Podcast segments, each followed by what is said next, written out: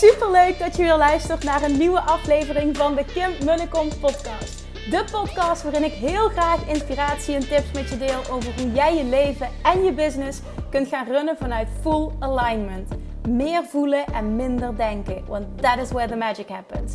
Hoe werkt die wet van aantrekking nu precies? Hoe creëer jij een succesmindset? En hoe kun jij ervoor gaan zorgen dat jij alles gaat aantrekken wat je zo graag wil met minder hard werken? Ik heb er weer super zin in. Let's go!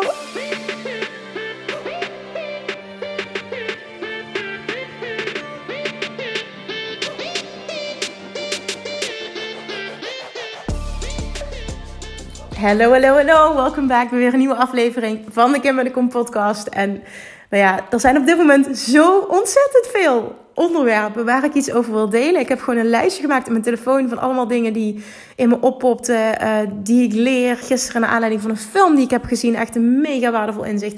Zijn zoveel dingen, dus oh, inspiratie voldoende, dat komt eraan. Ik denk volgende week dat ik uh, een hele lijst met podcasts al klaar heb, of in ieder geval ideeën. Maar voor nu, het is de eerste van de maand, in ieder geval vandaag was het 1 december.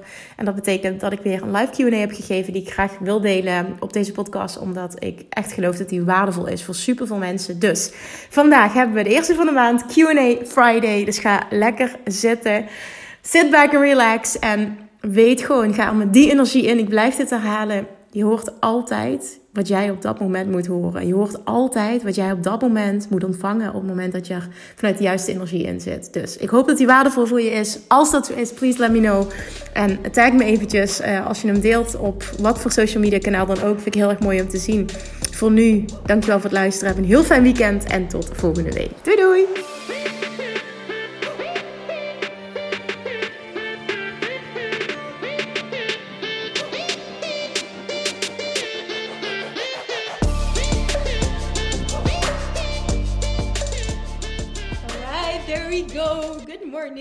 Als het goed is, ben ik live. Dus let me know of alles goed gaat als je erbij bent. Let me know of je me goed ziet, of je me goed hoort. En dan gaan we meteen beginnen, want dan pak ik de vragen erbij. Ik zag dat er heel veel vragen te laat zijn ingestuurd. Dus ik ga wel even streng zijn. Ik ga alleen de vragen nu in eerste instantie live beantwoorden die uh, voor 8 uur gisteravond zijn ingestuurd. En vervolgens is er sowieso hier ruimte om nog extra vragen te stellen. Um, um, um, ja, ik ga even naar boven toe. Dit is de eerste. Alright. Ja. Ja. Let me know of alles goed gaat. Ik wacht eventjes op de eerste reacties. Ja, daar komen ze al. Goedemorgen. Trouwens, voor iedereen die nieuw is, hè. We doen altijd hier een wedstrijdje wie het meest enthousiast goedemorgen of hoi of whatever je kwijt wil te roepen op de eerste donderdag van de maand. Dus doe je best. Goedemorgen Diane, goedemorgen Lisette, goedemorgen Judith, Wiedeke, Roxana, goedemorgen. Leuk, weer live. Ja, ik verheug me hierop elke eerste donderdag van de maand. Het is ook fijn als je erbij kan zijn. Het is ook lekker om hem terug te kijken, maar ik denk dat het gewoon ook lekker is om je dag op deze manier te starten. Oké, ik wil vrij snel beginnen met de vragen, zodat er ook ruimte is daarna nog om um, vragen te beantwoorden. Ik ga nog heel even kijken. Alright. Ja, nog meer. Bjels, Emily, Aniek, Judith en... Oh, nog meer. Hienke komt binnen. Margaret komt binnen. Linda komt binnen. Vief komt binnen. Goedemorgen. ik vind het heerlijk dat jullie ook het waarderen. Dat jullie zo'n live waarderen. Me too. Dus dankjewel ook nu al dat je de moeite neemt om live in te tunen. Want het is voor mij ook des te leuker om dit met een groot publiek te mogen doen. Oké? Oké, there we go. Oké, there we go. Eerste vraag. Ik ga de vraag, ik ga dit even herhalen. Ik ga, de vraag, ik ga de naam niet voorlezen. Je weet als je de vraag hoort of het jouw vraag is of niet. Heeft te maken met dat ik um, op dit moment de, vanuit de mindset dingen doe. Dat ik alles wil kunnen repurposen. Dus dan wil ik het zo, um, ja, zo, zo, zo, zo uh, uh, full, fully private doen als possible. Dus dat is dit dan. Oké, okay, there we go. Lieve Kim, ik ben sinds kort met mijn eigen bedrijf gestart. Um, heel leuk, af en toe spannend, maar ik heb er vooral heel veel vertrouwen in dat ik dit gewoon helemaal ga rocken. Ja, natuurlijk ga je dit rocken. Ik heb afgelopen twee jaar een enorme verandering doorgemaakt en ik ben gaan kijken naar mezelf. Kortom, mezelf niet meer klein houden, gaan ondernemen en meer gaan leven. Maar dan komt mijn omgeving. Hoe is Het met je klantjes, met je bedrijfje. Ja, I know. Oeh, die heb ik jaren gekregen. Verdien je al geld? Ik schiet dan zo in een weerstand. Ik wil mezelf bewijzen of verdedigen. En al gauw denk ik, nee, dat hoef ik helemaal niet. Dit is mijn keuze en ik mag hiervoor de tijd nemen. Het blijft alleen toch hangen. Hoe kom ik los van het jezelf bewijzen? Stukje en steeds die schommeling. Ja, mooie vraag. Um, ik denk dat het voortkomt uit. Um, nou, ik denk, ik weet dat het voortkomt, want ik, ik heb hier zelf ook in gezeten uit het feit, dingen die jou raken, dat zegt iets over um, hè, dat je zelf ook ergens een klein beetje op deze manier over de situatie denkt. Dus er zit ergens een stuk, ja, je zegt ik weet dat ik ga rocken, maar er zit ook twijfel. Hè, van gaat het me wel lukken? Had ik niet al geld moeten verdienen? Moet het niet sneller? Als het helemaal niet zo was, zouden deze opmerkingen je namelijk 0,0 raken. Dus eerlijk naar jezelf zijn en ook zien van oké, dat zit er, wat hartstikke normaal is, wat er mag zijn is stap 1. Vervolgens, wat mij enorm geholpen heeft, wat ik ook al vaker gedeeld heb, is deze reactie geven op zo'n moment. Maar dan wel echt vanuit vertrouwen. Want het gaat hier niet om de woorden, maar de energie waarmee je de woorden uitspreekt. Ik kan me die momenten nog zo goed herinneren. Hoe gaat het met je bedrijfje? Heb je al klantjes? Oh, heb je al klantjes? Kun je er al een beetje geld mee verdienen? Heb je geen spijt van je keuze? En als mensen dat vroegen, hoe gaat het met je bedrijf? Dan zei ik, supergoed, dankjewel, wat leuk dat je het vraagt. Hoe is het met jou? En toen was het, dan is het altijd de reactie, uh, oké, wow, die vol overtuiging, supergoed, had ik niet zien aankomen. En ik draai je meteen om. Supergoed, dankjewel, wat leuk dat je het vraagt. Ja, het is echt zo'n goede keuze geweest. Hoe is het met jou? En ik kon dat vanuit zo'n waarheid vanuit mij. Hè? Dit was ook gewoon niet gefaked. Uh, ook al was ik daar nog niet waar ik wilde zijn, by far nog niet. Ik stond ook in de beginfase van alles. Maar ik voelde ook, er was zo'n diep weet, ik ga daar komen. En ik hoef aan niemand of niets verantwoording af te leggen. En dit is mijn manier van dit volledig ownen. En op het moment dat jij het vanuit die energie doet, dan hebben zij ook zoiets van, oeh, what the fuck, oké. En vervolgens, een paar jaar later, zagen ze berichten voorbij komen, werd ik geïnterviewd. Dat weet ik nog heel goed. Want mij is het heel erg in privé in, uh, in mijn tennis eh, community. Um, speelde dat heel erg, dat dat gevraagd werd en die shit die ik had gemaakt. En toen ineens uh, stond er een artikel op LinkedIn een paar jaar geleden dat ik vijf ton verdiende. Een paar jaar terug was dat. En toen weet ik nog dat er een paar mensen uit mijn trainingsgroep toen naar mij toe kwamen en zeiden van... Ik zag wat voorbij komen op um, LinkedIn. Jeetje, volgens mij heb ik de verkeerde carrièrekeuze gemaakt, weet je zo. En dan zie je hoe in een paar jaar tijd zo'n complete shift kan komen op basis van het uiterlijke succes, als het ware. Het is helemaal oké, het maakt verder ook niet uit. Ik bedoel, dat is hoe de wereld in elkaar zit en hoe ik waarschijnlijk zelf ook misschien wel had gereageerd. Het doet er verder niet toe. Het enige wat belangrijk is, is dat jij ziet als iets me raakt. Betekent dat dat ik zelf dus nog vind dat daar een kern van waarheid in zit. En dus mag ik, heb ik daar nog werk te doen. Het heeft te maken met zelfliefde. En vervolgens um, ja, kijk, ontwikkel een reactie standaard die voor jou werkt. Die je wel helemaal kunt ownen. Nogmaals, het gaat niet om de woorden, het gaat om de energie erachter. Dus dat was mijn zin. Die werkte like magic. En het was meteen klaar, stil. Mensen waren echt helemaal zo, wow, oké. En ik draaide hem om. Hoe is het met jou? En ik ben sowieso heel goed in interesse tonen in anderen. Dus ik kon er meteen, hoppakee, overpakken. En het was helemaal goed. En mensen waren een beetje overweldigd door die reactie. Dus dit is maar een tip. Maar op het moment dat je echt kunt voelen van oké, ik ga daar komen, kun je ook volledig ownen dat je kunt zeggen ja, supergoed. Want ja, wat is supergoed? Dat is hartstikke subjectief. Wat is succes? Hartstikke subjectief. Alright, let me see. Zijn er nog reacties? Oh, heel veel nieuwe mensen. Goedemorgen, goedemorgen, goedemorgen. Wat tof dat je er allemaal bent. Hier ook eerste keer erbij. Superleuk, Linda. Ingrid, Jessica, Annika, Janne, Hanneke, Angela, Masha, Jantine, Patsy, goedemorgen. Uh, wat mij heeft geholpen is ja, echt fantastisch en vol passie erover praten. Geloof me, die mensen komen later op je pad. Die zag ik nooit aankomen. Ja, true. Ja, heel mooi. Ja, heel mooi. Bas, goedemorgen. Ja, dus dat. Ik hoop dat je daar wat aan hebt. En het is een kwestie van stukje, uh, stapje voor stapje, het zelf meer ownen. Daar komt het in de kern op neer. Alright, next one. De combinatie self-love mastery en weight loss mastery brengt me veel. Ik merk ook dat ik minder behoefte heb om in grote groepen te zijn en meer geniet van me-time. Het lukt steeds beter om eten minder te kwalificeren als goed of niet goed. Ja, dit is een hele mooie hoe je dit omschrijft. Ik ben vrij snel al 4,5 kilo afgevallen en ik wil nog zo'n 4 à 6 kilo lichter worden. Alleen stagneert op dit moment het afvallen. Ik beweeg veel, drink veel water en eet, eet meer en eerder op de dag. Meer eerder op de dag. Wat kan ik nog meer doen? Ik ben mijn identiteit aan het shiften naar ik ben een slank persoon. Wat je nog meer kan doen is nog meer in het voelen gaan zitten. Dus loskomen van de regeltjes. Ik beweeg al veel, hè? dat moet ik van mezelf. Ik doe al dit, dat moet ik van mezelf. Als alles heel erg goed voelt, is het goed. Koppel dan ook die acties aan de verwachting dat je gewicht kwijt gaat raken. Maar voel, en ben ook heel eerlijk naar jezelf toe, voel heel sterk.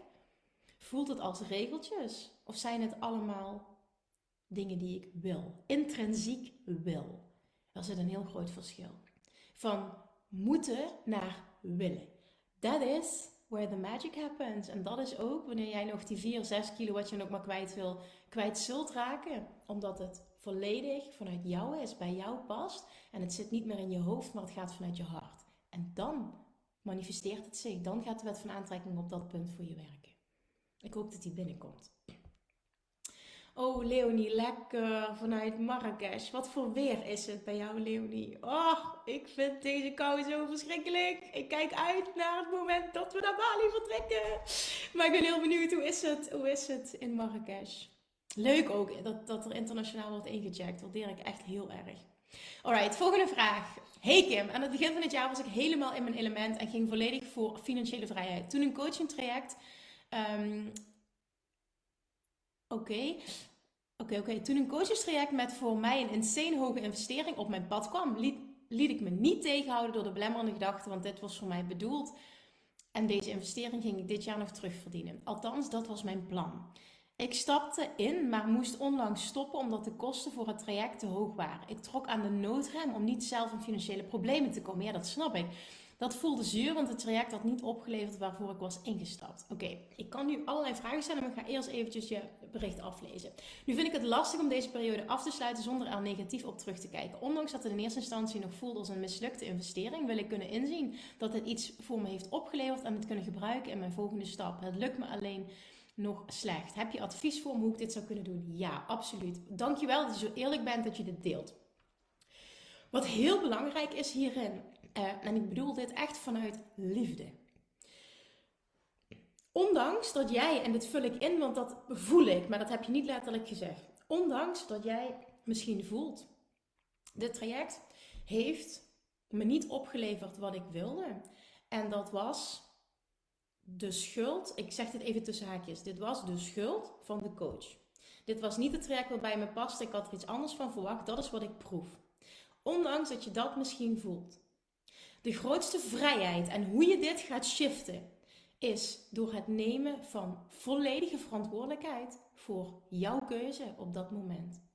Jij hebt de keuze gemaakt omdat het op dat moment goed voelde om daarvoor te gaan.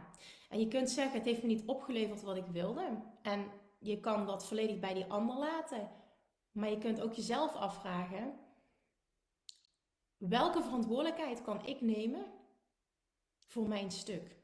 Kan ik verantwoordelijkheid nemen voor mijn stuk? En zo ja, wat is daarvoor nodig? Om dit echt te kunnen shiften en hier een positieve wending aan te geven. Dat heb ik ook gedaan bij alle investeringen die ik heb gedaan. Want in het begin, hè, toen ik van offline naar online ging, heb ik in no time 15.000 euro geïnvesteerd. En veel meer dan dat had ik ook niet. ik heb echt gewoon drie uh, vrij dure trajecten. Dat was inderdaad 7000, 5000 en ongeveer 3000, 2500 geïnvesteerd. Dat weet ik nog. Binnen een half jaar. En um, wat ik vooral merkte, dit verhaal heb ik vaker gedeeld toen ik dat heb gedaan. Wat ik vooral merkte na afloop, dat ik dacht van ik heb zoveel geleerd. Maar het resoneert in de kern niet met wie ik ben op dit moment. En dat is ook heel belangrijk om je dat te realiseren op dit moment. Ik kreeg zoveel stress van alles wat geleerd werd. Maar ik heb nooit die drie trajecten of die, die 15.000 investering nooit gezien als balen, weggegooid geld, een mislukte investering. Want het inzicht dat ik kreeg was goud. En ik kon echt zien, het is mijn verantwoordelijkheid dat ik op dat moment heb gekozen om die investeringen te doen. Um, ook al hebben ze nu op dit moment in mijn leven niet opgeleverd wat ik wilde. Ze zijn wel heel waardevol geweest, want ik heb het inzicht gekregen in hoe ik het niet wil. En op het moment dat je dat kunt doen, dat je heel sterk gaat voelen op dat moment, oké, dit is niet mijn pad, kun je jezelf ook automatisch de vraag stellen: wat is wel mijn pad? En op het moment dat jij die investering deed, heb je niet voor niets gedaan, maar op dat moment voelde het goed. Own dat dat jouw beslissing is geweest en dat die ander daar niets aan kan doen. Jij hebt die keuze gemaakt en jij moet daar verantwoordelijkheid voor nemen. Anders ben je niet vrij en zul je altijd jouw kracht weggeven en in handen leggen van een ander. En is een ander het schuld waarom jij op, op dit moment nog niet bent waar je wil zijn. En het is nooit de schuld van een ander. Het is altijd ook niet jouw schuld, het is je eigen verantwoordelijkheid. Ik weet niet of je er live bij bent. Het is ook niet, deze is echt niet vervelend bedoeld, maar deze is super belangrijk om te voelen. Ik vind dit zo belangrijk ook. Ik denk dat ik dit in het begin van al mijn coaching benoem. Dit is zo ontzettend belangrijk dat ik voel dat iemand er vanuit die mindset instapt. Ik wil ook nooit, um, op het moment dat ik closer met mensen samenwerk, nooit het gevoel hebben, daarom vind ik persoonlijke gesprekken zo belangrijk, dat iemand zijn succes in mijn handen legt als coach. Want dan geef je al je kracht weg en own je niet je eigen verantwoordelijkheid. En die is essentieel voor het bereiken van welk succes je dan ook maar wil. Het moment dat je daar niet bent en daar niet wil komen, dat is ook nog eentje niet bent en niet wil komen, zul je ook nooit succesvol zijn. Ik, dit is heel hard wat ik nu zeg, hè, maar het is zo ontzettend belangrijk om eigen verantwoordelijkheid te nemen voor al je keuzes, ook al pakken ze niet uit zoals je had gehoopt. That's part of life and it's part of growing. En dat heeft mij zoveel gebracht toen op dat moment dat ik dacht, oké, en nu weet ik, 15, ben ik 15.000 euro lichter, maar ik weet wel wat ik niet wil. Eens kijken hoe ver ik kom als ik het op mijn manier ga doen. En mijn manier, en dat is die 15.000 investering, 15.000 euro meer dan waard geweest, heeft voor meer dan een miljoen euro opgeleverd met nul stress.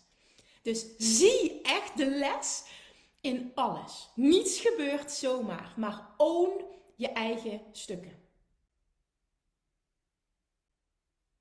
Oké? Oké.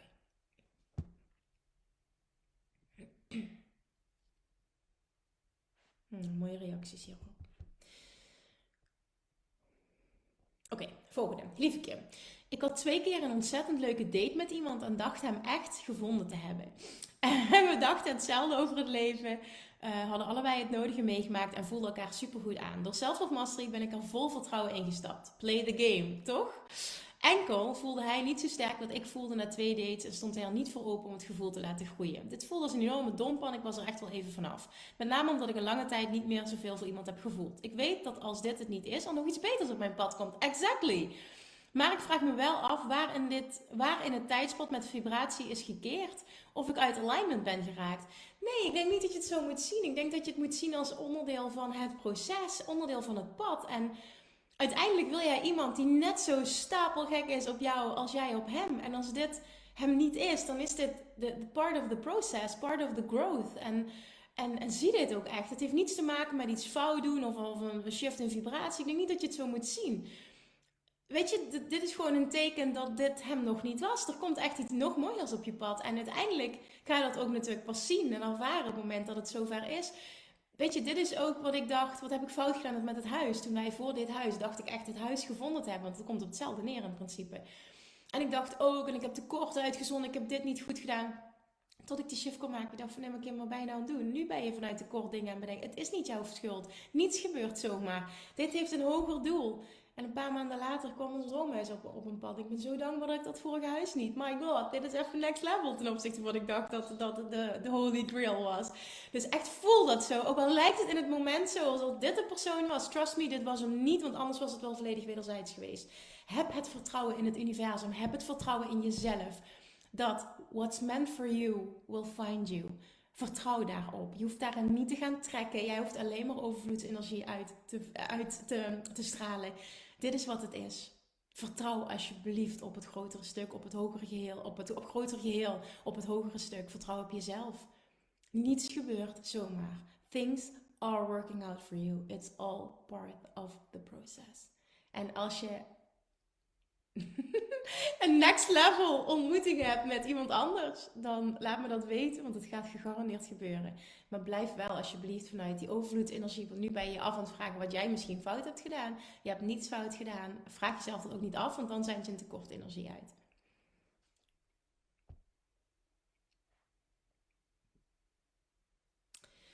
Alright, next one. Betreft je money blueprint. Je geeft aan, kijk om je heen waar je financiële thermostaat op staat. Ja, en dit begrijp ik. Maar hoe kan ik dit verwoorden naar cijfers en dus geld? Hoe bedoel je dat als je erbij bent? Jij weet toch wat er maandelijks binnenkomt of jaarlijks binnenkomt? Dat is waar je financiële thermostaat op is ingesteld. Dus dat is letterlijk hoe je het kunt verwoorden naar cijfers en dus geld. Ik heb wel een vermoeden waar mijn thermostaat op staat, maar ergens is het me ook niet helemaal helder. Oké, maar dit is letterlijk wat je kunt zien op je bankrekening. Zou je een concreet voorbeeld van jezelf als voorbeeld kunnen noemen? Ja, mijn financiële thermostaat heeft jarenlang ingesteld gestaan op 15.000 euro per jaar. En het maakte niet uit wat ik deed, of ik meer werkte. En ik had dan ook uh, vaak meer inkomsten, maar dan had ik wel meer uitgaven, waardoor onder de streep ik continu op hetzelfde uitkwam. En dat was omdat mijn financiële thermostaat daarop was ingesteld. En het maakte niet uit wat ik deed, ik bleef mezelf saboteren. Dus ik kon letterlijk zien dat dat het was aan het einde van het jaar. Ik, pak, ik heb dingen nooit maandelijks bekeken, maar altijd. Ik stel ook altijd jaardoelen, jaarverlangens. En dat heb ik altijd gedaan, dat past bij mij. Dus vandaar dat ik zeg, uh, het was die 15.000 euro per maand.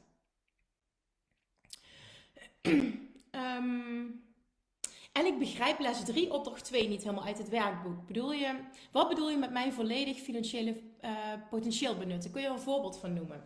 Um, ik zou het fijn vinden als je die nog wat concreter maakt. Uh, wat je precies niet helemaal begrijpt. Maar met je volledige financiële potentieel benutten. Dat, dat was voor mij persoonlijk dat ik voelde. Um, er is letterlijk geen limiet. Als ik miljonair wil worden, kan ik miljonair worden. Dat was mijn grote doorbraak. Terwijl ik eerder nooit zag hoe ik in godsnaam boven die 15.000 euro uit moest komen. En ik voelde als mijn volledige potentieel is letterlijk limitless. Als ik, als ik een miljoen wil verdienen, kan ik een miljoen verdienen. Dat is wat ik daarmee bedoel. En niet iedereen heeft die ambitie. En ik heb ook al vaker gedeeld, het zit hem niet primair om het geld, maar het zit hem in de uitdaging. En ook dat is voor iedereen anders. Bij sommigen zit het wel primair. Zit het, uh, gaat het om het geld. En ook dat is oké, weet je, er is nul oordeel. Maar ken jezelf daarin en voel ook van wat is mijn diepe verlangen? Wat zou ik echt willen? En ik geloof er heel sterk in dat je niet een verlangen kunt krijgen als je het niet ook zou kunnen bereiken. Dus dat was het, voor mij persoonlijk het benutten van mijn volledige financiële potentieel. En dat groeit ook weer als je weer een stap. Um, kun je nog iets delen over het verschil tussen maand- of jaardoelen? Nou ja, er is niet echt een verschil. Het is een beetje wat bij je past. Kijk, omdat ik al vrij snel. Um, merkte dat ik het tof vond om een keer een coachtraject te lanceren, om een keer dit te doen, dan heb je hele fluctuerende maanden. Dus voor mij een maanddoel stellen, um, weet ik niet, heeft me nooit echt getrokken. Maar dat, er is geen goede fout. Dus ik heb altijd gekeken naar, oké, wat wil ik volgend jaar onder de streep? Of niet per se onder de streep, maar wat wil ik volgend jaar als omzet? En wat wil ik maxi maximaal als kosten hebben? Dat is eigenlijk altijd hoe ik dingen doe. En dan kijk ik vervolgens naar, oké, en wat, wat zie ik op dit moment als een, een, een, een pad wat goed voelt voor mij, waarop ik dat kan bereiken. Zo moet je dat eigenlijk zien. Oké, fijn. Dankjewel Kim. Je hebt mijn vraag op het Money Blueprint geband. Oké, heel fijn om te horen. Dankjewel. Alright, next one. Um, hey Kim, allereerst wil ik je bedanken voor je fantastische training, je openheid en de manier hoe je het overbrengt. Wat lief dat je dit, wat fijn ook dat je dit zegt. Ik heb al verschillende business coaches gehad, maar nooit heb ik het gevoel gehad wat ik bij jou wel heb. Wauw, wat een compliment, dankjewel. Wat. Oké, ehm, je bent er waarschijnlijk niet bij, wat ik, waar ik nog heel benieuwd naar ben. Um, omdat het voor mij interessant is om te weten wat je zo waardeert.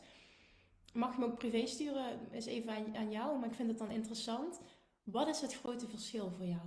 Wat is voor jou persoonlijk het verschil? Het is voor mij heel fijn om dat terug te krijgen.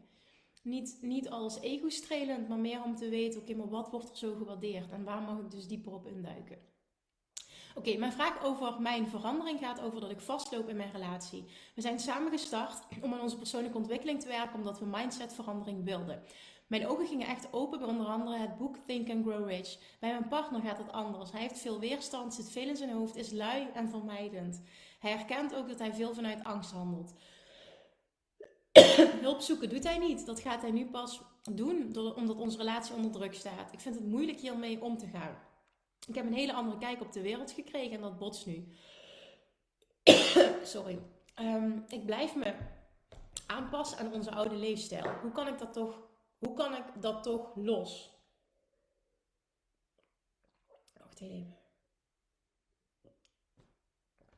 Nou, lekker Kim. Dikke vette plants hier. Oké, wacht. Dat gaan we even zo doen. Voor mijn hele trein dat is. Oké. Um, soms heb ik ook angstige gedachten dat het niet meer gaat tussen ons. Maar je wil er alles aan doen om wel, om wel samen te blijven. Hoe doe jij dat in jouw relatie? Jouw man denkt ook anders over bepaalde dingen dan jij. Uh, ja, zo goed als alles. ik ga daar zo meteen wat over, over delen, want ik zie dat ook als iets heel, ja, ik kan, dat kun je ook als iets heel positiefs zien namelijk.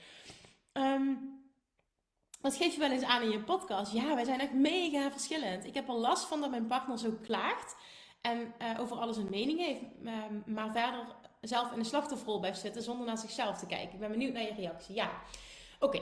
Ehm, dit is niet goed of fout wat ik nu ga zeggen. En het is heel persoonlijk, maar ik wil dus echt mijn visie hierop delen. Door de teachings van Abraham Hicks, die dus voor mij echt als thuiskomen voelen, nogmaals, ook dat is persoonlijk, um, heb ik geleerd dat het in een relatie ook altijd over jezelf gaat. En dat als jij je ergert aan een ander, dat je dan eigenlijk een ander niet accepteert zoals die is, maar hem wil veranderen. En zeker mag dat, hè? Ik bedoel, als je, als je uiteindelijk daar niet um, je in kan vinden, het is te verschillend en je hebt het idee dat, het, dat jij daardoor uh, belemmerd wordt, je laat je belemmeren, maar toch, hè, zo voelt het dan. Dan kun je natuurlijk de keuze maken om weg te gaan. je hebt altijd de keuze om, om los te komen daarvan. Maar op het moment dat je dat niet wil, dan is aan jou de. Ja, dan is het aan jou, laat ik het zo verwoorden. Dan is het aan jou om je af te vragen: wat heb ik nodig? Wat gaat mij helpen om hem volledig in zijn waarde te laten? Hij is zo en ik ben anders. En hoe ik ben, en dat is, dit is een hele belangrijke. Ik heb me ook gerealiseerd: hoe ik ben en hoe ik denk is niet per definitie goed. Doordat jij anders bent, denk je dat hij ook zo zou moeten zijn. En hij zou ook moeten groeien en hij zou ook anders. Maar hoe jij bent en hoe jij je ontwikkelt, dat werkt voor jou. Maar dat is niet per definitie goed. Het is voor jou goed, maar het is niet per se voor een ander ook goed. Iedereen heeft daarin zijn eigen pad te bewandelen en er is geen goede fout. En een ander volledig zijn waarde laten en zijn eigen pad laten bewandelen, is voor mij gewoon echte liefde. En ik zie onze verschillen. Hey, ik kan me ook, we hebben ook echt wel af en toe dat ik denk, my god. Weet je, het liefst zou ik nu in een vliegtuig stappen, half jaar weggaan elke winter. Ehm, en gewoon uh, lekker uh, op Bali zitten of ergens anders de wereld rondreizen of whatever. En de zomer terugkomen, dat zou ik het liefst willen. Nou, uh, hij heeft er hele andere ideeën over en denkt allemaal veel moeilijker. Ook baan en lonings en dat allemaal. Um, dus wij komen tot een compromis. We praten daarover. Oké, hoe kunnen we een win-win situatie voor allebei creëren? Maar dat gaat ook niet altijd vlekkeloos. En wij hebben ook gedoe over dingen. En het is niet altijd makkelijk. Maar het afgelopen weekend zei ik dat nog. Als er twee van mij, als hij zo was zoals ik ben, denk ik ook niet, moet ik heel eerlijk zeggen, dat het per se goed was. Want doordat hij zo anders is en dat uit zich ook in handelen heel erg, um, worden er wel veel meer dingen geregeld. Dingen die ik echt belangrijk vind, die regel ik ook. Ik bedoel, zo is het niet. Ik, ik altijd mijn eigen boontjes. Maar bijvoorbeeld nu, het zit hem in kleine dingen. Hij heeft ons hele huis versierd met kerstlampjes. Het klinkt als iets heel onnozels, hè? Maar als het aan mij had gelegen, was er helemaal niks. Ik ben niet zo. Ik vind het leuk als het er is, maar ik doe de moeite er niet voor. Dat is niet mijn ding. En doordat we zo verschillend zijn en hij dat allemaal doet en, en, en die organisatie en dat en, en ook vaak wat moeilijker denkt en ik alleen maar limitless denk. Weet je, je houdt elkaar ook op die manier in evenwicht. En we leren van elkaar, we zijn naar elkaar toegegroeid. En we hebben ook het valt best mee eigenlijk. Want we hadden veel meer gedoe toen er nog geen kinderen waren. Sinds er kinderen zijn, hebben wij heel weinig gedoe. Dus het is best wel bijzonder. ja, dus um, het is en-en. Het is, kijk, het is en-en. Er is geen goede fout. Op het moment dat jij je kapot ergert uiteindelijk en het gaat niet over, dan is het volledig aan jou om te zeggen: oké, doei. Volledig aan jou en alles is oké. Ik bedoel, uiteindelijk mag je jezelf afvragen: wat zou ik doen als ik van mezelf zou houden? Uh, weet je, het antwoord daarop is heel duidelijk. Um, en dat kan ook op ja, verschillende momenten kan dan een ander antwoord zijn. Maar ik denk dat dat een hele belangrijke vraag is om jezelf te stellen. En daarnaast denk ik ook jezelf de vraag stellen voor ik de keuze maak om hier misschien los van te breken. Wat kan ik doen om echt te gaan voelen dat ik hem, um, dat hij oké is zoals hij is. En dat ik niet mijn groei of mijn pad ga opdringen. Um, aan hem ga opdringen. Want dat is niet fair. Oké, oké. Nou, ik hoop dat je daar wat mee kan. Maar nogmaals, ook dit is niet per se goed. Oké, volgende vraag. Wat doe je als je een ingeving krijgt en inspired action zou willen ondernemen, maar geen tijd hebt door een te volle agenda? Nou, bijvoorbeeld, oké, ik ga hem even voorlezen nog verder. Op dinsdag 13 december geef ik s'morgens een masterclass. In verband met de toezending van de benodigde tool is de laatste mogelijkheid op vrijdag 9 december. Uh, eigenlijk zou ik de masterclass rust in je hoofd geven, maar die heb ik al zo vaak gegeven dat ik er eigenlijk geen zin in heb. Nu heb ik laatst binnen een challenge een nieuwe masterclass uh, manifesteren met geur gegeven. Daar heb ik veel meer zin in. Maar een nieuw uh, product aanmaken en mijn webshop en een salespage schrijven is een aardige klus. En doordat komende maandag de fotograaf komt voor de verkoop van ons huis, heb ik al mijn tijd nodig om het huis op orde te krijgen. Wat doe jij in zo'n geval? Laat je het voorbij gaan? Ga je ervan uit dat er met twee of drie dagen promotie ergens nog voldoende deelnemers komen? Het is de enige ochtend die voor de kerst nog goed voelt. Op het moment dat jij een keuze maakt vanuit, oké, dit is hoe ik het wil, dan zou ik daar ook volledig voor gaan en daarin in vertrouwen stappen. Kijk, als jij die nieuwe masterclass wil geven, uh, en ik voel dat heel erg. Het zijn ook altijd dingen die ik dan moet doen. Een e-mail schrijven en dat allemaal inrichten. Ik vind dat ook. Uh. Maar het is wel zo. Ik weet gewoon, die kopie, uiteindelijk als ik daarmee bezig ben, die kopie die moet ik schrijven. Want dan komt het over. Weet je, dat is Kim. Ik zie gewoon als het niet Kim is. En dan voelt het voor mij niet oké. Okay. Tenminste, tot op heden. Ik wacht nog op het uh, mogen ontmoeten van een amazing copywriter die mijn stem helemaal kan uh, kan pakken. En, en daar sta ik ook altijd nog voor open om daar hulp bij te krijgen. Want het is niet iets wat ik uh, per, se leuk vind. Maar het zijn wel dingen waarvan ik voel, het is het beste als ik dat doe. Uh, want dan komt mijn boodschap het beste over tot nu toe. Dus wat doe ik dan? En dan vind ik dat ook niet leuk. Bijvoorbeeld afgelopen maandag was zo'n voorbeeld. had ik zo'n deadline voor dingen die aangeleverd moesten worden voor een paar advertenties voor een masterclass. Inderdaad, die ik dus ook ga geven volgende week donderdagochtend. Tien, ja, volgende week donderdagochtend geef ik een, master, een masterclass. Manifesteer een um, six- en seven-figure business met de wet van aantrekken. Zo een nieuwe masterclass. Nee, eh, deels inhoud is hetzelfde als wat ik al eerder gedaan heb. Maar oké, okay, gaat het even verder niet over. Maar daar moesten dus ook nieuwe advertenties gemaakt worden. Um, um, uh, nieuwe teksten erbij. Uh, gekeken worden naar hoe het allemaal was uh, geregeld qua copy verder. Uh, gisteren kreeg ik nog een bericht, wil je dit ook nog even maken? Dus ik moet zo meteen ook wel dingen doen. Het zijn allemaal dingen die ik niet per se leuk vind. Maar ik kies er wel voor om die te doen. Waarom? Omdat ik graag die advertenties wil laten draaien. Had ik ook niet hoeven doen, maar ik merk dat het me heel veel oplevert. Dus ik vind het ook leuk op die manier om dat te doen. Ik hou van het resultaat en het hogere doel. En ik wil mezelf daarin trainen om daar beter in te worden. Want dat is niet mijn zone of genius. Uh, het is iets wat nieuw voor mij is, dus ik wil daarin ook leren. Maar nogmaals, het is niet hetgene wat ik het allerleukste vind. Schrijven vind ik het minst leuke van, van eigenlijk van alles. Maar ja, nou, het hoort er wel bij. Dus conclusie, waarom zeg ik dat? Afgelopen maandag heb ik, ik denk tot 12 uur s'nachts doorgewerkt om alles af te krijgen. Maar ik wist, ik wil dit nu afmaken, ik wil er vanaf zijn. Het was ook een deadline, het, gewoon, het moest af. Maar ik ging dus laat slapen uiteindelijk. Ik lag om half één in bed, wat ik normaal gesproken niet wil. Maar dinsdag had ik volledig mama dag en ik kon alles loslaten. Ik kon er volledig zijn voor de kids. Ik vind dat heerlijk. Ik had ook kunnen zeggen, oké, fuck die masterclass, laat maar, doen we wel niet. Nee, ik wil dat graag, dus dan doe ik het ook. Dus de vraag is ook, je zegt ik heb al mijn tijd nodig. Is het zo? Of kun je gewoon s'avonds wel een keer gaan zitten en kun je, um, kun je die sales pitch schrijven? Waarom zeg ik dat? Omdat het heel vaak, ik heb al mijn tijd nodig voor iets anders, um, zelfsabotage is. Om het voor jezelf goed te praten, om er maar niet aan te beginnen. Snap je wat, wat ik bedoel? Het is niet, ik zeg niet dat het bij jou zo is, maar heel vaak gebeurt dat wel. En ik doe dat zelf ook bij mezelf namelijk. En dan herken ik dat en denk ik, oké, dit slaat nergens op. Want uiteindelijk moet ik het toch doen. Dus ik kan het wel blijven uitstellen. Maar dan ben ik ook gewoon blij als er een deadline is. Dan ram ik even door en is het klaar. Dus, en dat is zeldzaam, maar het gebeurt wel eens. En afgelopen maandag was zo'n moment. Mooie reacties. Hmm. Ja.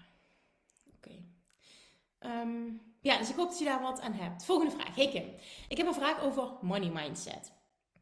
Uh, mogelijk komt dit nog in de training, maar nog niet tegengekomen tot nu toe. Maar je hebt tien vet uitgebreide modules, dus dat gaat zeker nog komen. Ik ga even kijken wat je vraag is. Situaties als volgt. Een koppel dat dicht bij ons staat is een klassiek voorbeeld van slachtofferrol en externe factoren de schuld geven van hun financiële situatie. Nu is het zo dat we hen helpen waar we kunnen, maar niet op structurele basis. Dit omdat het wat ons betreft geen gewenning moet worden. Helemaal mee eens. Ik bied de hulp heel graag, maar toch blijf ik in mijn hoofd houden dat we hun mindset op die manier ook wel in stand houden, omdat er nu met klagen ook resultaat wordt bereikt. Ja, interessant. Zo sta ik er dus ook in. Hoe kan ik dit zien? Erg benieuwd naar je advies. Oké. Ehm, ik ga. Oké. Ik ga ook even heel open zijn. Ik heb dit ook gedaan ik heb ook iemand die dichtbij me stond, ehm, flink geholpen financieel. Um, en daarna realiseerde ik me, oké, naar de toekomst toe. Is het in hun voordeel? Is het in die persoons voordeel om dat niet meer te doen? Want ik faciliteer nu inderdaad het, het, het, het, het in, in stand kunnen houden van. En je ziet vaak een bepaald patroon wat zich herhaalt.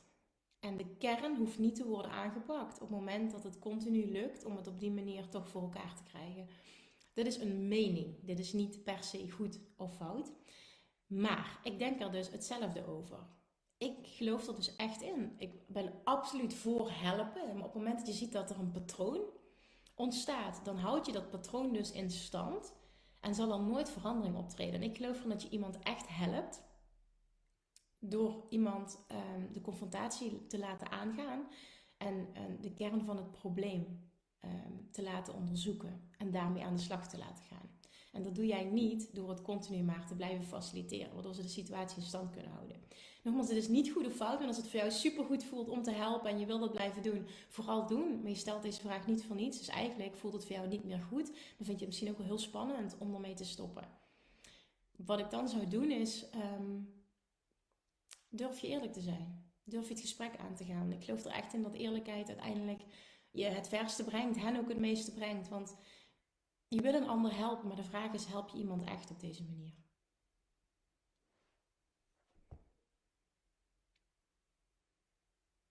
Ja, hier nog even reactie op vorige bericht. Mijn vorm van zelfsabotage is mijn agenda vol te maken. Exact. Hier ben ik ook heel goed in. En nu ben ik bewust echt daarmee aan de slag.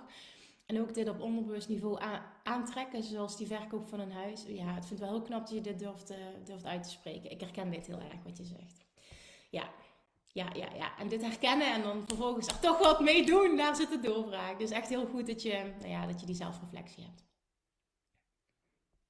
Oké, hey Kim, ik blijf een beetje strukkelen met het stukje verwachten. Niet in de zin dat ik geen 100% vertrouwen heb in datgene dat ik wil realiteit wordt. Maar meer in de zin van als bijvoorbeeld bij een masterclass met aanbod voor een programma. Ik heb dan wel een verlangen voor een aantal deelnemers, maar op het moment zelf kan ik dat goed loslaten en geniet ik gewoon van het geven van mijn masterclass. En ben ik ook echt oké als het minder deelnemers zijn. De hoe en wanneer loslaten. De hoe en wanneer loslaten, weet je wel. Ja, dat weet ik wel. Maar verwacht ik dan te weinig? Um, zou dat ook kunnen? Met andere woorden, moet ik specifieker echt een aantal deelnemers verwachten? Dankjewel alvast. Nou ja, je moet helemaal niks. Maar je zou er wel eens mee kunnen experimenteren hoe dat voelt voor jou. Um, ik doe dat altijd als ik een lancering heb bijvoorbeeld. dan doe ik altijd intentie zetten van oké, het lijkt me tof als er bijvoorbeeld nu voor die self-love actie, was geen lancering, was gewoon een Black Friday deal. Ik had van tevoren gezegd, lijkt me tof als er 11 mensen, of 11 mensen, als er 100 mensen uh, deelnemen. Lijkt me tof. Maar vervolgens ben ik volledig oké als het er minder zijn. Dus natuurlijk, als er meer zijn, fantastisch. Maar het is helemaal oké. Maar ik zet wel bewust die intentie van het lijkt me tof als er 100 nieuwe deelnemers komen. En volgens mij op maandagochtend hadden we een teammeeting. En toen zei Dianne, zei van, uh, er zijn 73 aanmeldingen. En ik had het team verder niets gezegd over wat ik graag wilde zeggen. Nou, mijn, mijn verlangen was 100. Um, ehm, dus ja, ik, uh, ik, ik, ik, ik, ik, ga nog dingetjes delen. Ik ga nog wat een promotie doen. En ik hoop dat we de dag af mogen sluiten. Ik heb niet het woord hopen gebruikt, maar... Um, het zou mooi zijn als we de, dag kunnen afsluiten met 100. En volgens mij rond een uur of tien s'avonds stuurde Dianne een berichtje. Uh, het zijn er 99, dus ik denk dat je de 100 wel gaat halen. En toen letterlijk, denk een minuut later, kwam de 100ste binnen. En uiteindelijk sloten we hem af met 111. Een super mooi bedrag. Super mooi aantal. Maar het gaat er niet om het aantal, maar wel om het proces erachter. En dit is een, heel mooi voorbeeld, denk ik, van en. Dus en heel specifiek een aantal uitzenden. En ook heel blij worden van het aantal. En echt kunnen zien van dit is mogelijk en ik zou het fantastisch vinden. En vervolgens de hoe en, en de, letterlijk dat onthecht zijn van ik ben niet afhankelijk, mijn succes is niet afhankelijk van die 100. Weet je, als het er 50 zijn of 90, whatever, is het ook helemaal oké. Maar het lijkt me tof als. En vervolgens die, ja, voor mij zijn dat kriebels, kriebels van excitement. Je kent dat gevoel wel. Hoe tof zou het zijn als dat? Dat is een beetje ook mijn zin. En die combinatie is gewoon goud. Die combinatie trekt echt aan wat je wil. En ja, dit lukt bijna, bijna altijd. Dit lukt bijna altijd. Dus ja. Oké, ik hoop dat die binnenkomt. Oké, next one. Als je nog zakelijke rekeningen die je in termijnen mag betalen open hebt staan, is financiële vrijheid manifesteren dan lastiger? Nee. dat ligt eraan hoe het voelt. Als jij daardoor een tekortgevoel ervaart, is financiële vrijheid manifesteren, dan doe je het van je af. Op het moment dat jij evengoed vanuit die um, sorry. Ik heb echt al dagen enorme kribbelhoest en vooral s'nachts. En als ik te veel praat, dus dit is duidelijk zo'n moment. Oké, dus is financiële vrijheid manifesteren dan lastiger? Nee. Het gaat niet om de situatie zelf, maar hoe de situatie voelt. Op het moment dat jij hierdoor een tekort ervaart, ja, dan maak je het voor jezelf moeilijk, want je doet het van je af. Ervaar je even goed, kun je even goed overvloed ervaren en, en kun je het nog steeds verwachten, dan trek je financiële vrijheid net zo hard aan. Dus ook hier weer gaat het niet om um, de situatie zelf of de actie zelf, maar het gevoel erachter.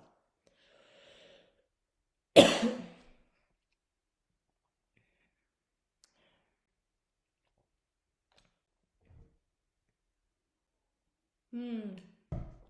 Mooie vraag deze. Lieve Kim, in je laatste podcast heb je het gehad over ondernemen om te winnen of ondernemen om niet te verliezen. Ja, klopt. Daarbij noemde je ook weer keuzes maken vanuit overvloed en niet vanuit tekort. Kun jij hier voorbeelden van noemen? Van het een en het ander. Ik wil die termen 100% begrijpen. Ja, heel mooi. Ik wil daar nog een aparte podcast over maken. Want ik keek gisteren de film The Swimmers. Hele mooie film. En um, dat ging over een uh, meisje, een vluchteling, die graag naar de Olympische Spelen wilde. En uiteindelijk vlucht ze naar Berlijn. Komt daar bij een uh, zwemclub terecht. En um, vindt daar een trainer. En zij vraagt aan hem, na de eerste paar trainingen, zegt goh, jij wilde toch ook Olympia worden? Je wilt toch ook naar de Olympische Spelen? Waarom is het niet gelukt, zegt ze. Een gebrek aan talent of een gebrek aan discipline? En toen zegt die man, um, het is niet zo zwart-wit, zegt hij. Ik had heel weinig zelfvertrouwen. En ik zwom altijd. Ik, nee, ik zwom nooit om te winnen. Ik zwom altijd om niet te verliezen. En die gisteren, ik kreeg tranen in mijn ogen toen hij dat zei. Omdat dit helemaal in lijn is ook met die podcast die ik had overgenomen. En ik dacht echt, oh, dit raakte bij mij ook zo. Omdat ik um, lang, toen ik jonger was, um, een droom had gehad om op hoger niveau te tennissen, te trainen. En uh, ik ging heel veel van mijn eigen waarde um, koppelde ik aan mijn prestaties op de tennisbaan. Dat was ook het enige waar ik altijd zenuwachtig over was. Hè. Op school had ik het nooit zwaar, was ik nooit ergens nerveus voor, boeide het me allemaal niks. En op de tennisbaan, nou, ik was zo nerveus altijd. En toen zei hij dat en toen dacht ik, wauw, dit heb ik altijd gedaan. Ik heb altijd gespeeld om niet te verliezen en nooit om te winnen. En dit is zo'n andere mindset. En, en die shift heb ik dus in het ondernemerschap kunnen maken door, en dit is misschien het voorbeeld wat je zoekt. Ik heb de eerste jaren van mijn ondernemerschap heb ik heel erg op keihard werken gezeten en heel erg op bewijsdrang. En alle keuzes die ik maakte, maakte ik om niet te verliezen. Want ik deed het vanuit competitie en om de beste te zijn, om aanzien te creëren. Dat mensen me geweldig vonden en uh, dat ik zoveel mogelijk berichten wilde ontvangen. Dat ik meer volgers wilde dan de ander. Dat ik een betere business coach wilde. Dat, dat was de drive, jaren geleden. Het was gewoon gezien worden, beter worden, egovoedend. En er is niets mis mee, absoluut niet, want ik veroordeel dit niet. Alleen het diende mij niet. En dat was continu spelen, ondernemen, om niet te verliezen. En toen ik die shift maakte, dat is komt hij weer. Het is een hele reis geweest met kerst op de taart Bali. Toen ik terugkwam en echt in een zwart gat viel, dat niets meer goed voelde in mijn leven. Gewoon alles, alles um, stond, stond op wankelen. En toen kwam de wet van aantrekking dus op mijn pad en toen ben ik daarin gedoken. En er is zo'n wereld voor me opengegaan en zo vanuit, toen ben ik echt vanuit, dat ik zag wat ik deed. Ik leefde mijn hele leven en mijn business runde ik. Ik runde, deed alles vanuit tekort, alles vanuit angst. En het kwam terug in mijn relaties, het kwam terug in mijn business, het kwam terug in mijn financiële situatie. Um, het kwam terug in mijn, mijn gezondheid, in mijn gewicht. Alles was ook gebaseerd op, oh, als ik maar niet weer opnieuw aankom. Weet je zo, dat is weer een voorbeeld. Alles was fear-based. En dat, dat kwam zo hard binnen, dat realiseerde ik me zo erg. En vervolgens ben ik toen allemaal keuzes gaan maken vanuit overvloed, vanuit zelfliefde. Want dat komt hier weer ook op neer. Als je keuzes maakt vanuit overvloed, maak je keuzes vanuit zelfliefde. En toen leerde ik wat het is om te ondernemen, om te winnen. Voor jezelf. Dat is hoe ik dit ervaren. En er zijn veel interpretaties mogelijk, maar voor mij om te gaan winnen voor mezelf. Niet meer om het te vergelijken, om beter te willen zijn dan een ander, hè? om maar niet te willen verliezen. Nee, om te winnen voor mezelf. Mijn eigen groei, mijn eigen uitdaging, mijn eigen pad. En op dat moment ben ik geskyrocket door die 50.000 euro heen gebroken. Vrij snel naar een ton. 250, 500 miljoen. En nu, ja, nu zitten we op 1,2 miljoen. Het, het is gewoon, die groei is zo gruwelijk hard gegaan. En dat wijd ik echt daaraan. En het is loslaten en het is gaan ondernemen en gaan, gaan spelen, letterlijk. Om te winnen en niet om te verliezen. Ik denk dat dit, het is zo'n belangrijk iets in mijn leven geweest. Daarom gisteren die man die zei dat, die zwemcoach. Het, is nu nog iets wat me raakt.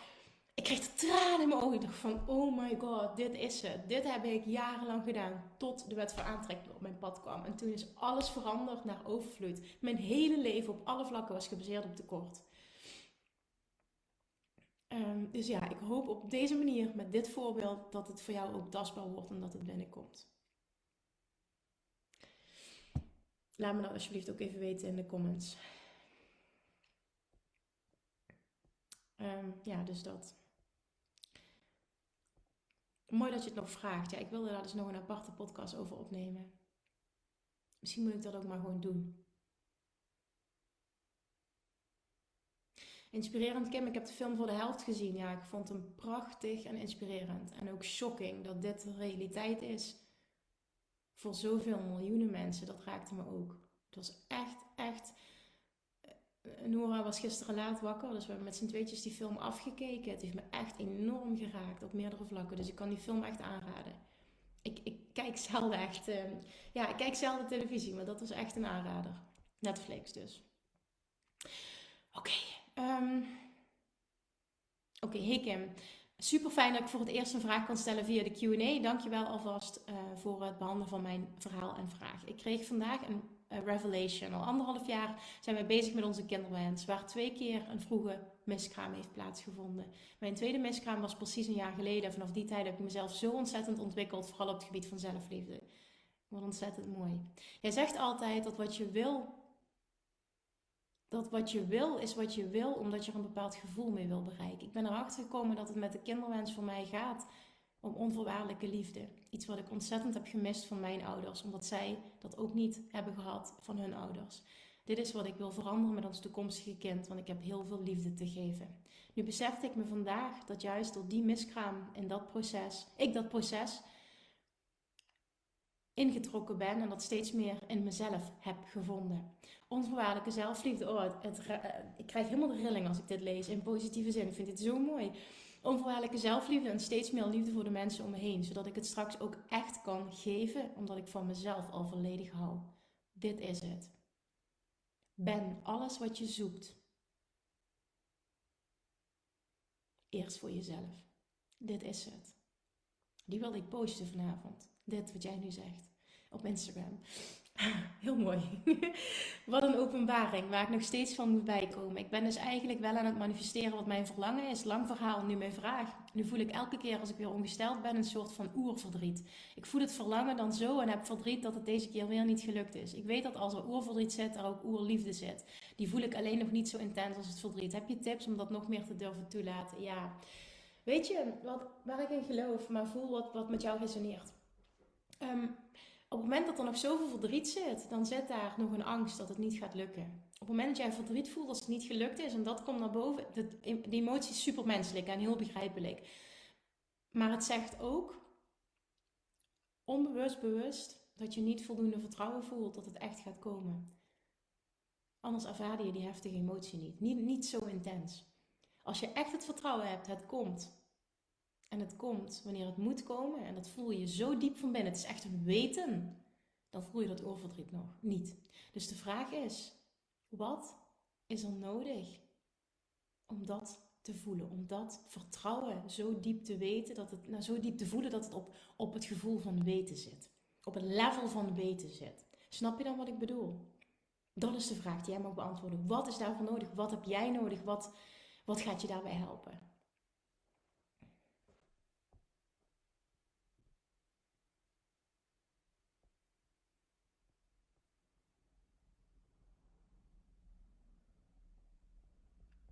Alright, dit waren de vragen die op tijd zijn binnengekomen. Ik wil nu de mogelijkheid bieden aan iedereen die er live bij is om nog een vraag te stellen of ergens op in te gaan of wat dan ook. Of als je later je vraag hebt gesteld, om die nu nog eventjes live te stellen.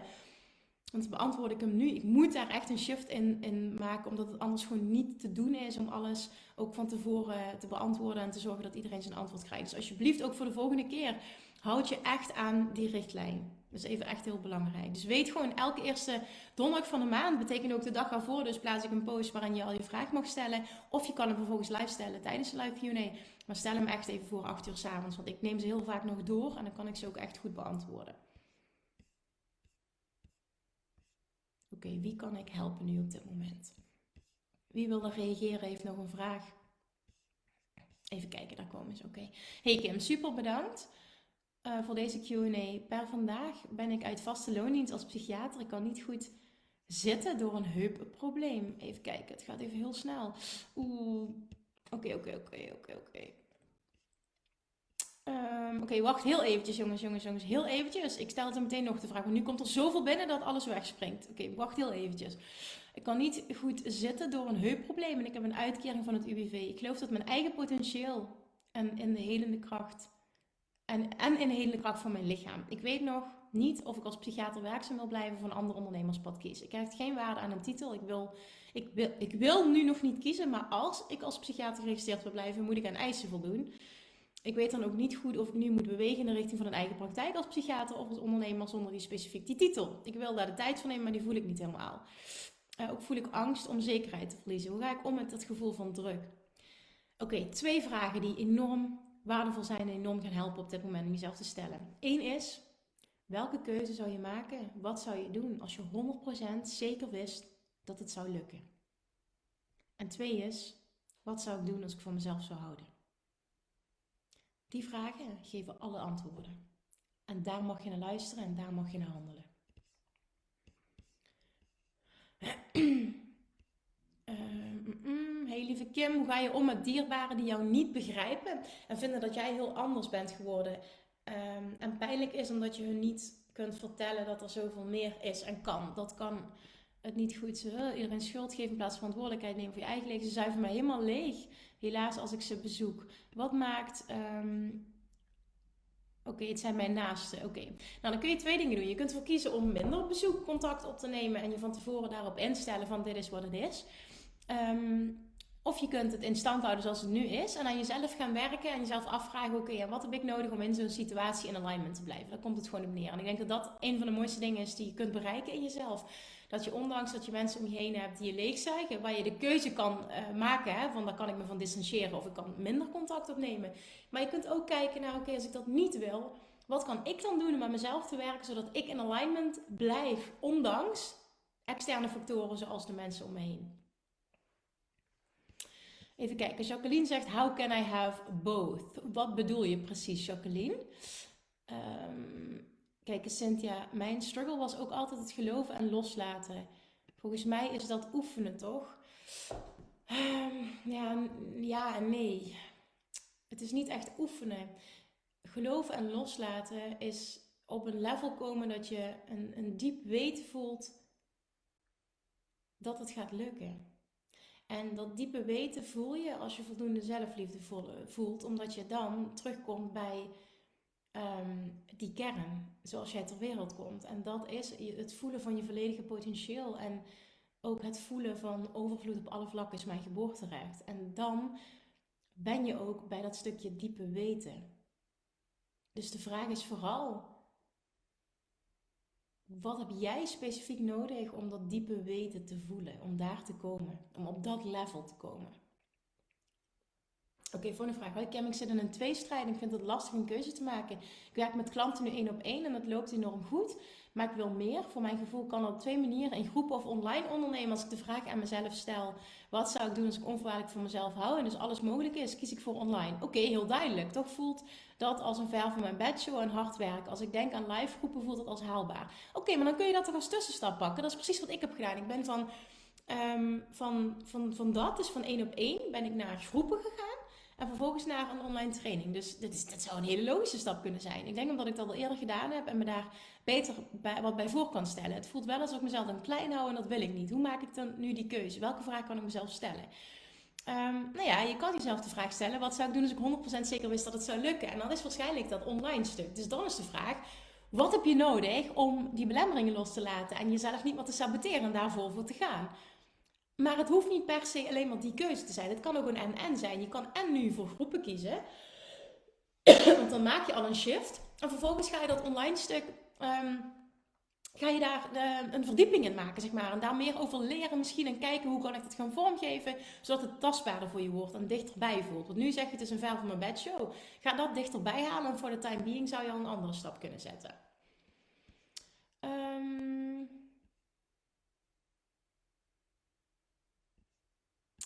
Uh, Patsy, mijn vraag die ik privé had gestuurd, heb ik nog even verduidelijkt op de reacties, maar mag je later even op antwoorden. Oké, want privé kan ik vragen niet beantwoorden in deze live. Um, zou je dat eventjes willen sturen hier? Want dan snap ik ook wat je bedoelt. Zou je die, dat is nu even belangrijk dat je die nu hier stuurt, zeg maar, want dan kan ik hem behandelen.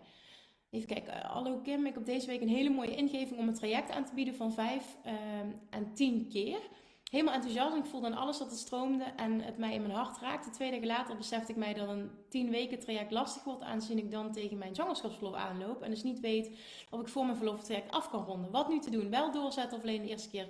Wat wil je? Wat wil je? Ja, het is echt aan jou. Ik zou namelijk zelf, maar dat is nogmaals persoonlijk, ik zou die van 10 weken, als jij daar blij van wordt, zou ik dus wel doorzetten. Het is uh, inspired action, het is momentum waar je nu in zit. Ik zou hem doorzetten. En mocht het toch uiteindelijk niet kunnen, ik bedoel, ik heb ook uh, lang doorgewerkt omdat ik helemaal in inspired action zat. Um, dan kun je openlijk naar je klanten toe uh, communiceren en dan kun je iets van compensatie aanbieden. Hoeft niet financieel te zijn, maar dan bied je iets anders aan voor na je verlof. Iets heel vets of iets groters of whatever, wat ze cadeau krijgen. Dus het komt altijd goed. Als jij voelt dat je dit nu wilt doen, vertrouw er dan op dat het lukt. Vertrouw erop dat je het momentum mag pakken. En mocht het anders lopen, then you'll figure it out. Weet je, er komt dan een oplossing. Ik heb mijn achternichtje begeleid met Loa om zwanger te worden. Na een jaar is ze zwanger geworden, gelijk met haar zus. De twee kindjes groeien samen op. Dat was de reden. Soms is een hoog, oh mooi. De nieuwe liefde die helaas kanker heeft, dat doet veel met mij. Hij lijkt mijn soulmate. Er is geluk naast verdriet. Maar leven in het hier en nu, dat levert het wel op. Ja, mooi dat je dit deelt. Is dit, zit hier een vraag in? Um, want zou je die iets concreter willen stellen als je een vraag hebt voor mij in ieder geval?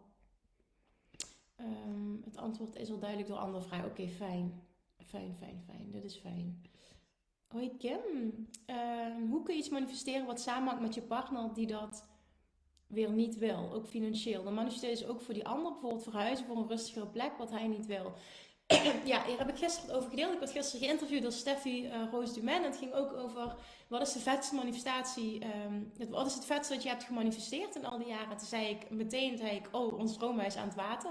En toen heb ik ook eerlijk gedeeld over hoe dat jarenlang een struggle is geweest. Omdat ik het niet kon geloven en dus manifesteerde ik niet wat ik wilde, omdat mijn partner dat niet wilde.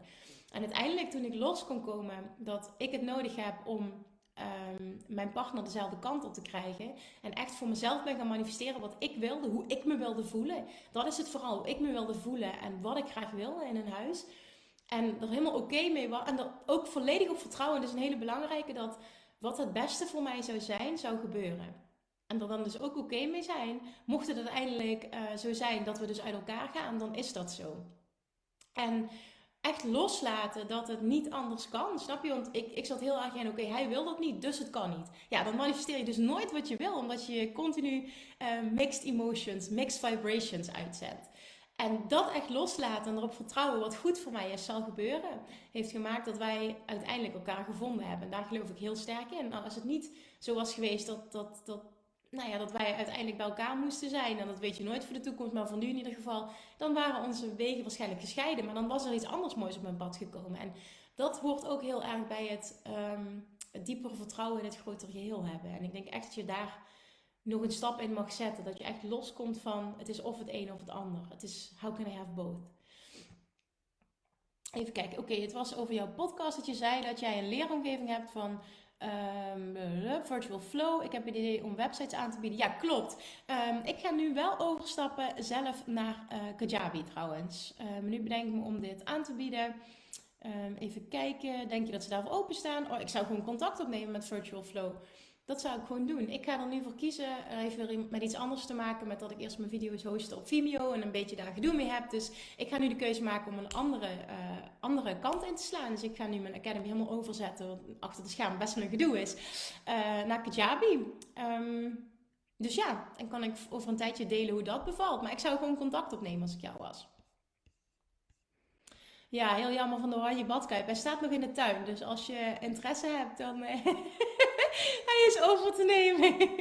hey Kim, uh, even kijken. Wat kan helpen en hoe kun je je gevoel shiften wanneer je maandelijks nog financieel uh, struggelt of je elke maand uitkomt. Elke maand loop ik financieel achter feiten en ik wil dit echt omturnen. Ik weet niet hoe. Uh, als ik al weet dat ik elke maand, einde van de maand lastig rond kan komen. Lalala, uh, kan ik dit shiften en vertrouwen dat ik maandelijks wel makkelijk rond kan komen. Ja, wat ik zou doen, ik zou het ook echt praktisch benaderen. Want dan maakt het vertrouwen makkelijker. Wat kun je doen? Kun je bijvoorbeeld meer gaan werken? Um, kun je iets doen, ik weet niet of je een eigen business hebt, maar kun je anders meer gaan werken? Of kun je op een andere manier zorgen voor meer inkomsten? Of kun je zorgen voor minder uitgaven? Of kun je zorgen voor allebei? Dus kan er of een inkomstenstroom bij, of kan je um, katten in je kat, kat, dus wat, wat um, ja, katten in je uitgaven. Snijden in je uitgaven. Uh, of allebei. Dat is eigenlijk de vraag. Ik zou hem gewoon heel praktisch benaderen, want dan is het veel makkelijker om dat gevoel ook te shiften. Als je daadwerkelijk iets kunt doen. Um, hoe zie jij dit met de nieuwe liefde? Nooit eerder zo'n sterke verbinding met een partnergenoot vanuit Loa voelt als portal, dieper voelen. Ja, maar dat is toch mooi dan? Ook al is dat de situatie. Ik bedoel, dan is het toch even goed mooi dat dit zo is. Ik zou gewoon echt van het moment genieten. Deze was zeer waardevol, dankjewel. Top, maar heel graag gedaan. En ook zo zorgen dat ik geld overhoud elke maand. Ja, dus nogmaals, dan zou ik echt kijken naar, kan ik inkomsten verhogen? Kan ik uitgaven verminderen of kan ik het allebei doen? Welke bold actions kun je dan nemen als je man niet wil verhuizen? Nou ja, ik denk niet dat het per se bold actions moeten zijn. Het zijn vooral het uit, vibrationeel uitzenden. Dat is waar mijn werk heeft gezeten. Het is tweeledig. Aan de ene kant um, ben ik echt gaan, gaan ik weet nog precies waar, wanneer die shift plaatsvond. Dat was in, natuurlijk in ons oude, oude huis waar ik liep, wat voor weer het was. Exact waar ik liep. Uh, weet ik nog, op de Sint-Pietersberg, die plek, dat die shift in mij kwam. Dat ik het volledig los kon laten en echt op het gevoel kon zetten volledig zonder belemmeringen. Hoe fantastisch het voelde um, om in dat huis aan het water te wonen. En ik kon het toen ook zien. En dat moment is, is ja, transformational geweest. Toen heeft er echt een shift plaatsgevonden en vervolgens ging het dus ook heel snel. Dus je hoeft niet per se een actie te ondernemen. Je mag dit eerst op vibrationeel, op vibrationeel niveau shiften. Genieten van wat is, ja, heel mooi. Alright, wie oh wie heeft op dit moment nog een vraag of een reactie of wat dan ook. Want ik zie dat we al over 11 uur zijn geweest. Dus ook lekker denk ik om hem te shiften. Het is bij, of om hem te shiften, om, um, om hem af te ronden. Ook lekker voor het terugkijken. Karen zegt nog dankjewel. Ja, jullie ook mega dankjewel dat je er live bij bent voor deze interactie. I love this. Dus let me know.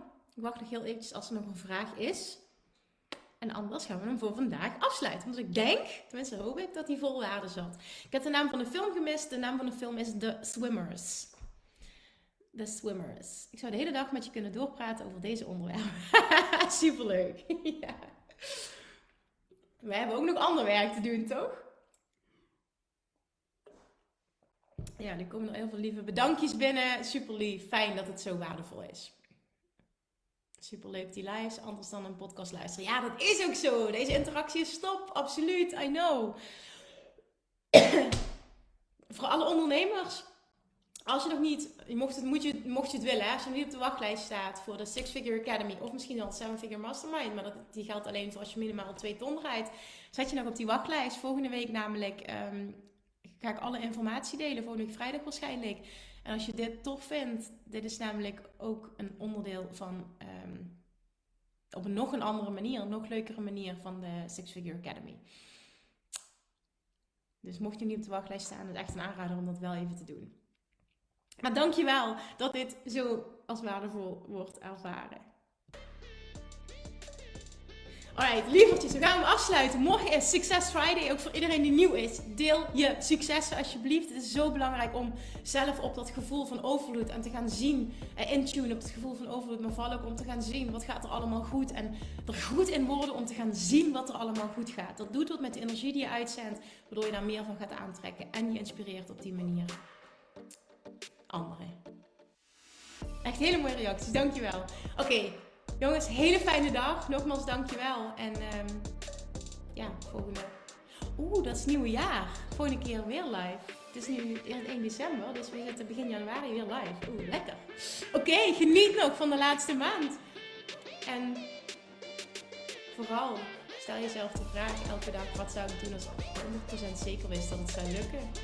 Wat zou ik doen als van mezelf zou houden? Heb je altijd het antwoord op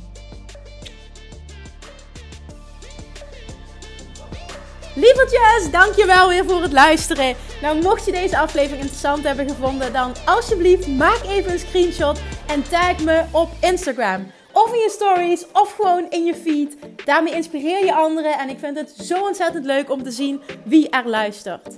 En nog één dingetje. Voor alle gratis content die ik aanbied, zou je alsjeblieft één dingetje terug willen doen. En dat is, ga naar iTunes, zoek de podcast op, scroll even naar beneden en laat een korte review achter. Hoeveel er meer reviews namelijk, hoeveel beter de podcast gevonden wordt in iTunes. En hoeveel meer mensen ik kan bereiken met mijn boodschap. Super, super dankjewel alvast. En tot de volgende keer.